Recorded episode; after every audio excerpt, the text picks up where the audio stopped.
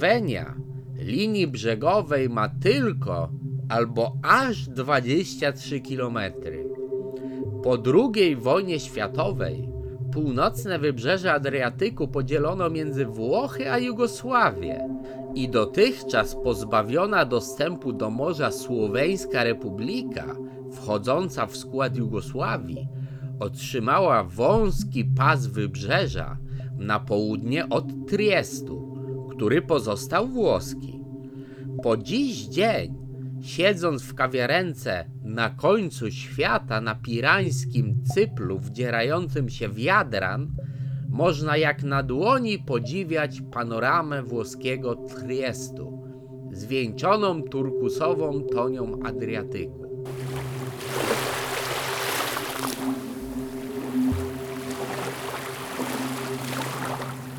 Siedzimy w rzeczonej knajpce, popijając z kieliszków wino, rzecz jasna słoweńską malwazję. Ze względu na mniejsze nasłonecznienie niż w pobliskim chorwackim Kwarnerze, słoweńska malwazja ma nieco bardziej mineralny aromat, co oczywiście nie umniejsza jej wspaniałości w najmniejszym stopniu. No nic, ostatni łyk wina dopijamy i trzeba się zbierać. Znów zanurzyć się w plątaninę uliczek, gdzie można się i z powodzeniem zgubić. Lecz na szczęście jakaś opatrzność sprawiła, że tutejsze koty i psy nic lepszego do roboty nie mają, jak wylegiwać się, a to na kamiennych płotach, a to na ławeczkach przed domem, a to na dachach i to przez całe godziny, nie zmieniając nawet pozycji. Ot, co jakiś czas poruszą tylko zwisającą łapką. Tak więc, na dobrą sprawę, tutejsza fauna domowa służyć może nam za drogowskazy. Idziemy najpierw uliczką Czarnego Kota Dachowca, później skręcamy w wąskie schody, gdzie leży znudzony dalmatyńczyk i tak dalej, i tak dalej. Pniemy się w stronę najwyższego punktu miasta, czyli dawnej Iglesji. Mówiąc włoska, jest to miejsce, gdzie stoi kościół, a w Piranie to właśnie świątynia góruje nad starym miastem. Nazwy tych krętych i wąskich uliczek na dobrą sprawę i tak są umowne. Kiedyś nazywały się jak się nazywały, teraz nazywają się inaczej. Jeszcze 75 lat temu ulice nosiły nazwy włoskie. W międzyczasie napisy zdążyły zmienić się na serbo-chorwacki, aby wreszcie, a kto wie na jak długo, zostać zapisane po słoweńsku i włosku jednocześnie. Tylko koty i psy zostały jakby te same. Z wieży kościoła rozpościera się przepiękny widok na rynek Starego Miasta oraz targowisko, a gdy wzrok da się ponieść skąpanej w słońcu brudno-pomarańczowej barwie dachówek, chce się zmrużyć oczy, by się to wszystko rozmyło, by człowiek uwolnił się od nadmiaru piękna i w tym zapomnieniu nie skoczył wprost w krystaliczne odmęty Jadranu. Chociaż i idąc schodami wieży, ekstremalnych przeżyć nie brakuje, gdyż drewniane stopnie są tak strome, że jeden nieostrożny krok, a człowiek sturla się na sam dół i będzie miał szczęście, gdy tylko połamie sobie ręce i nogi. Zeszliśmy z wieży, by znów pochłonęły nas kręte uliczki i poniosły w stronę rynku. Za nami rozbrzmiał głos dzwonu.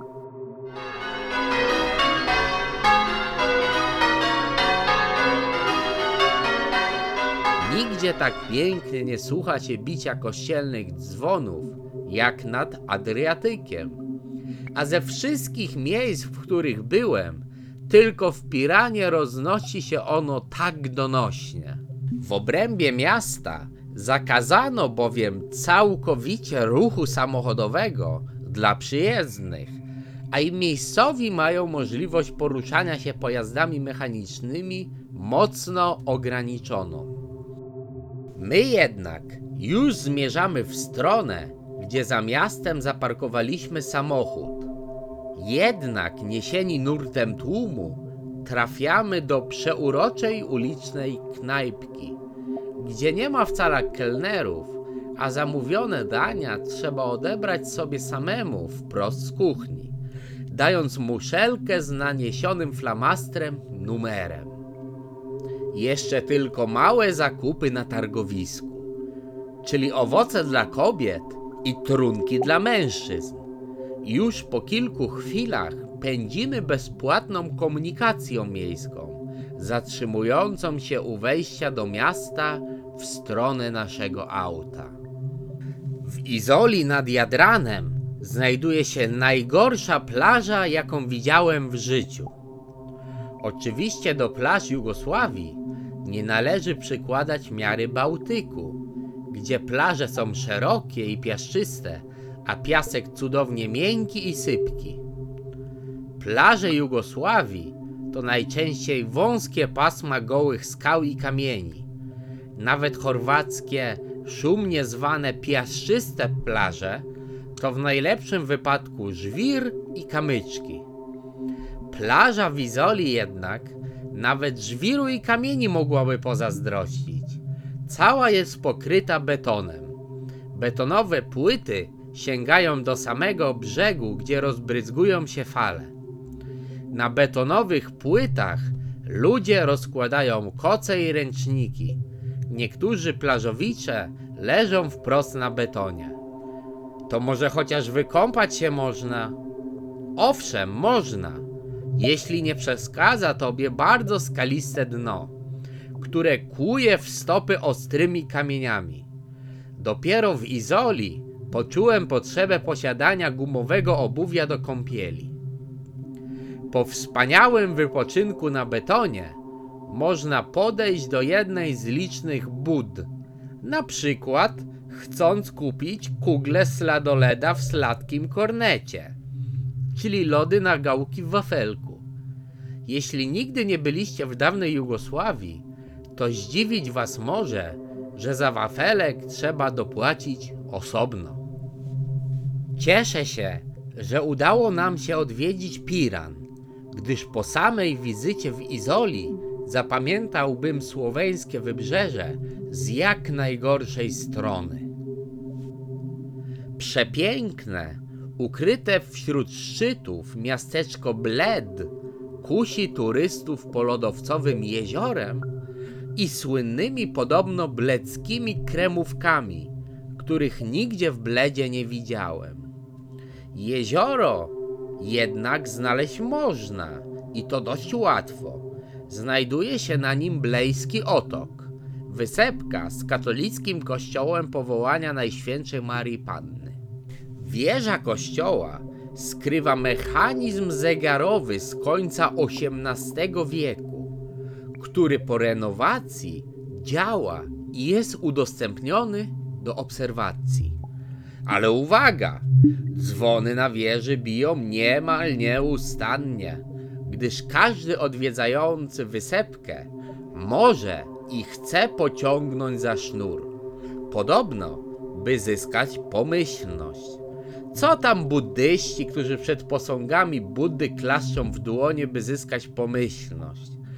Jak już zyskiwać tą pomyślność, to na bogato, czyli napierdalając nieustannie dzwonem. Tak więc, gdyby ktoś chciał się zapomnieć przy obserwacji kunsztownego mechanizmu zegarowego, może przy okazji ogłuchnąć, bo za dnia dzwon nie milknie prawie wcale. Na wyspę można się dostać albo w Puław, co robią niektórzy od strony nie tak odległego brzegu, albo wynająwszy łódkę po drugiej stronie jeziora od strony miasta. My wybraliśmy opcję z łodzią, co wcale nie jest takie tanie. Za wynajęcie dużej łodzi trzeba zapłacić 20 euro plus 10 euro za każdą godzinę powyżej pierwszej. No cóż, stawki takie jak w sąsiedniej Italii. A przynależność do Europejskiej Unii też daje takie skutki. Wiosłowanie, oczywiście na własną rękę. Czy Słoweńcom podoba się z perspektywy czasu rozpad Jugosławii, który zapoczątkowała ich secesja? Wydawać by się mogło, że jak najbardziej. Słowenia była zawsze najbogatszą częścią federacji i póki w niej była, to ku sarkaniu Słoweńców stale dokładała dinary do biedniejszych jugosłowiańskich republik. Jednakże okazuje się niespodziewanie, że z perspektywy upływających lat coraz więcej młodych wspomina czasy, których nie pamiętają, przez zaciemnione okulary jugonostalgii. Według ostatniego sondażu Gallupa z 2016 roku w Słowenii 45% ludności tęskni za Jugosławią, a przynajmniej uważa, że secesja ich państwa przyniosła więcej strat niż korzyści. Przeciwnego zdania jest 42% społeczeństwa, reszta nie wie albo im wszystko jedno. Najciekawsze jest jednak to, że w przeciwieństwie do wszystkich innych dawnych republik federacji, gdzie jugonostalgia rośnie proporcjonalnie z wiekiem respondentów, w Słowenii za Jugosławią tęsknią głównie ludzie młodzi, którzy jej nie pamiętają lub pamiętają bardzo mgliście. Jugonostalgia przejawia się jednak tylko w sferze popkultury. Nosić koszulki z marszalem Tito, przesiadywać w stylizowanych na Jugosławię hipsterskich knajpkach, słuchać psychodelicznej muzyki buldożera,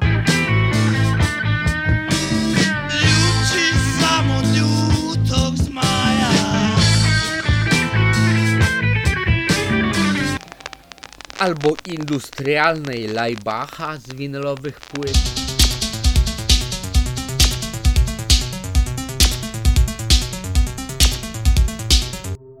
Wszystko to jak najbardziej. Prowadzić jednak działalność polityczną, mającą przywrócić jedność Jugosławii, to już zdecydowanie nie.